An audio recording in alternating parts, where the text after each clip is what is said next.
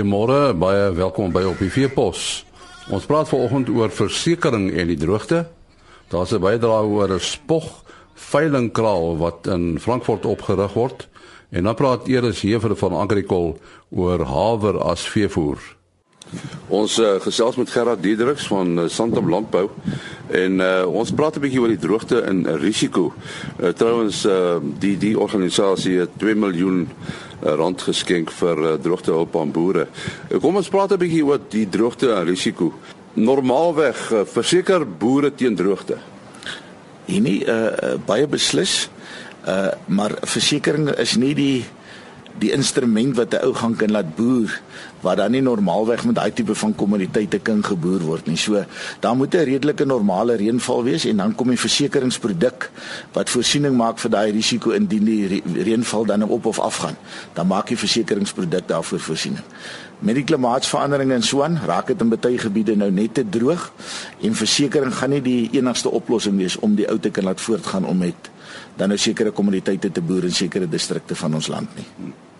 As 'n mens na versekerings per se kyk, eh, dit is eintlik 'n instrument wat jou help met jou boerdery, nie. Baie beslis nie. 'n uh, Versekering is uh waar jy oor die langtermyn voorsiening maak vir daai tye wanneer jy dit nodig het. Maar ongelukkig is dit maar so as die mense na hulle balansstate kyk en na die uitgawes, dan aan die einde van die dag as die risiko ver blyk te wees, as die manne sê dis nie El Nino nie, dan is die ouens geneig om so bietjie stout te wees en dalk dan nou nie by te dra tot die fonds nie. Maar die oomblik wanneer 'n ander alduin alle aanduidings daarop wys dat daar dan aan die einde van die dag 'n potensiële risiko kan wees soos in hierdie geval droogte, dan het die ouens nie lank genoeg bygedra tot die fonds nie en baie van die ouens kan dan aan die einde van die dag nie versekerings daarvoor kry nie. So die uh, versekerings as 'n risiko-oordragmeganisme is definitief 'n langtermyn een en ons eintlik maar die fondse namens die versekerdes belê so koste-effektief en belastingvoordelig is moontlik en dan is dit beskikbaar om uit te betaal soos in tye van verjaar. Nou jy praat net van verjaar, eh, gaan dit 'n druk plaas op op uh, premies? En nie uit die aard van die saak is die premie maar 'n faktor van die eisebetalings en kostes. Uh die droogte is nie nou net 1 jaar nie, oor die laaste 5 jaar het ons nou al eintlik 4 uitdagende jare gehad.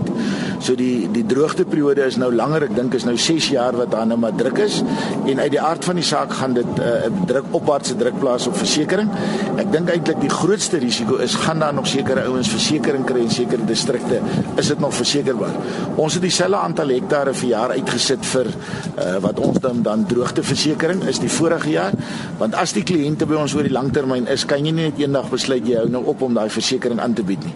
Ons het nie nuwe kliënte aangeneem nie en ons glo dat die boere sal vasbyt daar buitekant dat ons deur hierdie siklus kan kom want na die droogte glo ons gaan die reën weer kom ons sê baie dankie aan Gerard Diederik van Santam Landbou Ons uh, gesels met Michael de Klerk en ons uh, praat oor 'n veilingskraal kompleks wat uh, op Frankfurt opgerig is en uh, dit is uh, een van sy soorte in die omgewing. Vertel ons meer van hierdie veilingkraal kompleks. Hoe is hy anders as 'n gewone veilingkraal, uh, Michael? Uh, in die eerste plek die ring is soos 'n amfitheater wat jy op gemakstoele sit met aircon en so aan. So jy weet dit is baie gemaklik vir die koper en die verkoper. En dan is die hele kompleks is onder dak. Al die krale is onder dak. En uh daar kan so 'n omgewing van so 1700 bees staan en so 3000 skape. Uh het jy na ander plekke gaan kyk om nou te te weet wat jy op so 'n kompleks moet insit? Ja, weet jy ons het bietjie by ander plekke gaan kyk en oral te kyk waar kan ons hom beter maak en so aan ons het byvoorbeeld die kompleks is so so uh 150 meter lank. Daar's so walkway kan jy sê van die weet oor die hele 150 meter waar jy die beeste van bo af kan bekyk. So jy sien nie die pad van die beeste of iets nie. Dit is regtig enige in sy soort. Gaan hy net vir veilinge gebruik word? Weet jy jy kan die geboude gedeelte kan jy vir sal jy kan gebruik vir vir vir uh konserte of enige ander funksie. Hy het 'n goeie toegeruste kombuis en wat die plek ook uniek maak, hy, ons het so vier, daar's so vier losies waar jy kan be So jy weet as jy jou privaatheid wil behou en so aan met wildveilinge of so aan, dan eh uh, dan kan jy privaat sit sonder sonder dat daar ingemeng kan word van ander kante af. Hoekom was dit nodig om 'n uh, om 'n plek te bou van hierdie omvang? Weet jy hier in Frankfurt uh, was daar nou vir die afgelope tyd drie veilinge van beeste elke week. Op hierdie stadium is daar net twee afslaers uh, maatskappye wat veiling hou, maar hulle hou elke week veiling en dit is al baie groot omsette. So daar word feeslik baie vee verhandel op Frankfurt. En as mens kyk na die bestaande geriewe daarso dan kry mens eintlik skaam om te dink dat daar soveel geld in omgang is, maar die geriewe is so baie swak. So mense het maar net gevoel dat vir daai omvang van daai omsette verdien hulle regtig iets beters. Is jy self 'n beesboer, Michael? Ja, ek is self 'n beesboer en en 'n graanboer, maar ja, ja, ek is 'n beesboer. Kommersieel?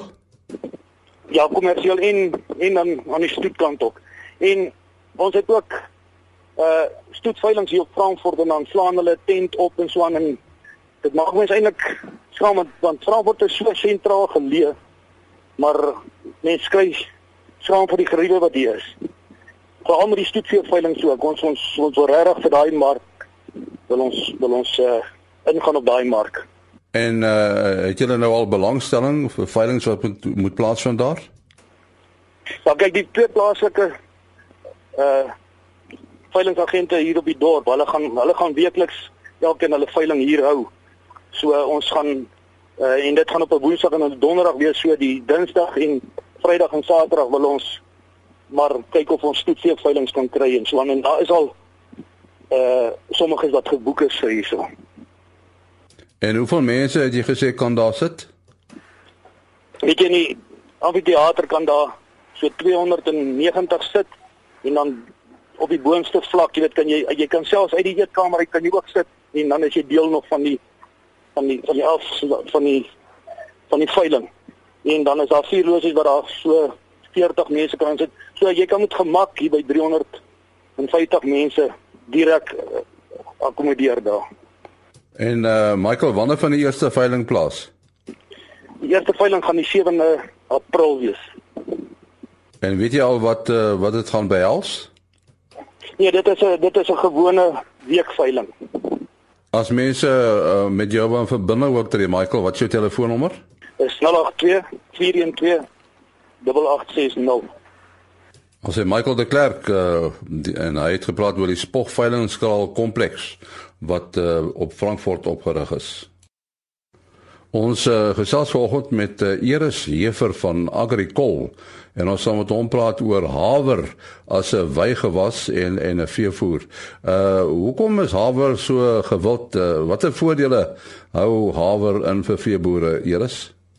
Henny, ja, haver hou enorm baie voordele vir vir die boer in omdat dit so meerdoelig gewas is. Eerstens kan haver 'n uh, uh, baie reeks grondtipes goed aard En natuurlik met vogbehoeftes kan 'n mens baie maklik met plante stand manipuleer. Tipies 'n droëland aanplanting plant jy teen 'n laer stand as 'n besproeiingsaanplanting so droër die areas is so laer sit jy die plante stand. En weer eens soos ek gesê dis 'n meer doelig gewas. Jy kan hom wy, jy kan hom sny, jy kan hom kuil. So daar is 'n uh, daar is verskeie doele waarvoor jy haver kan gebruik hier. Jy jy praat nou so van aanplantings. Die beplanning van die aanplantings is nogal krities, né? Nee? Kan jy 'n bietjie verduidelik? Ja, korrek. So ja, nie net is die die die, die beplanning wat soorte hawes is ook baie baie belangrik hier nie. Tipies gaan uh, as jy kyk na die somerreënvalgebied of die gespore somerreënval areas, is dit dalk belangrik om om 'n lengte tipe haver in te sit ehm um, wat lekker vinnig vir jou met die lente reëns vir jou kan produseer. Ehm um, wintertipe hawers of intermediêre tipes is dalk meer geskik vir tipies areas waar koringverbouing suksesvol droëland toegepas word of dan natuurlik onder besproeiing. Want die groot gevaar met die langer groeiers of die pegwintertipe soos hulle soos ons hulle noem is dat dit dalk uit vogheid kan hardloop voordat die die plant regtig sy volle potensiaal bereik het en nie. Nou nou, nou daar's verskillende groeiklas tipes haver. Uh hoe hoe kan dit gebruik word? Ja, verseker, ek dink dit is dit sluit baie aan by die by my vorige antwoord hier nie is dat uh soos ons soos ek genoem het is dat jou jou lente tipe hawers is lekker vinnig uit die blokke uit. So tipies as jy hierdie hierdie reentjie kry kan uh, kan jy lekker vinnig uh, produksie van van die van die haver af benut. As jy uh, jou beplanning meer is, sê maar Oos-Vrystaat waar 'n algemeen koringdroëland verbou word of natuurlik onder besproeiing, gaan 'n mens sekerlik 'n hoër opbrengs realiseer as jy die volle groei seisoen kan gebruik. Dit wil sê 'n langer groeier plant of 'n reg wintertipe plant wat vir jou dan nou maksimaal kan produseer oor meer maande en waar vog dan nou nie 'n beperking beperk of so groot beperking is nie nie. En eers die die saai digthede, is dit belangrik? Droland as mens praat van sentraal Vrystaat en selfs Oos-Vrystaat plant as die algemene aanbeveling 20 tot 35 kg per hektaar na die meer droër dele toe Wes-Transvaal ehm um, of onder semi-besproeiing kan 'n bietjie net 'n bietjie laer plant 25 kg semi-besproeiing 50 en dan volbesproeiing is die algemene riglyn 85 tot 125 kg per hektaar nie. En en kan haver met uh, ander gewasse gekombineer word? Ek dink aan peulgewasse. Ja, nie net kan dit met peulgewasse gekombineer word, soos jy dalk weet, is haver een van die klein grane, een 'n klein graan gewas. So ook 'n stoelrog, koorrog, ehm um, is is ook klein van selfs gas is is ook 'n klein graan en selfs die gewasse kan baie goed gekombineer word. Maar ja, 'n tipiese peulgewas wat 'n mens wat lekker kombineer ehm um, met haver is natuurlik as gewasse soos vywieke en ceradella is baie goeie kombinasies. Natuurlik is die voordeel van peulgewasse eerstens gaan dit die verteerbaarheid van die van die mengsel dan nou verhoog. Dit gaan ook 'n uh, eh, riproteïen 'n rapsie hoër maak En natuurlik is die groot voordeel van peulgewasse stikstofbinding, ligstikstof wat in die grond teruggeplaas word wat ook dan nou vir die kleingraan beskikbaar is. Nou, sê dankie aan Iris Hefer van Agricol. daarmee ook die einde van die program tot volgende week. Dit is maandag. Alles van die beste. Ah.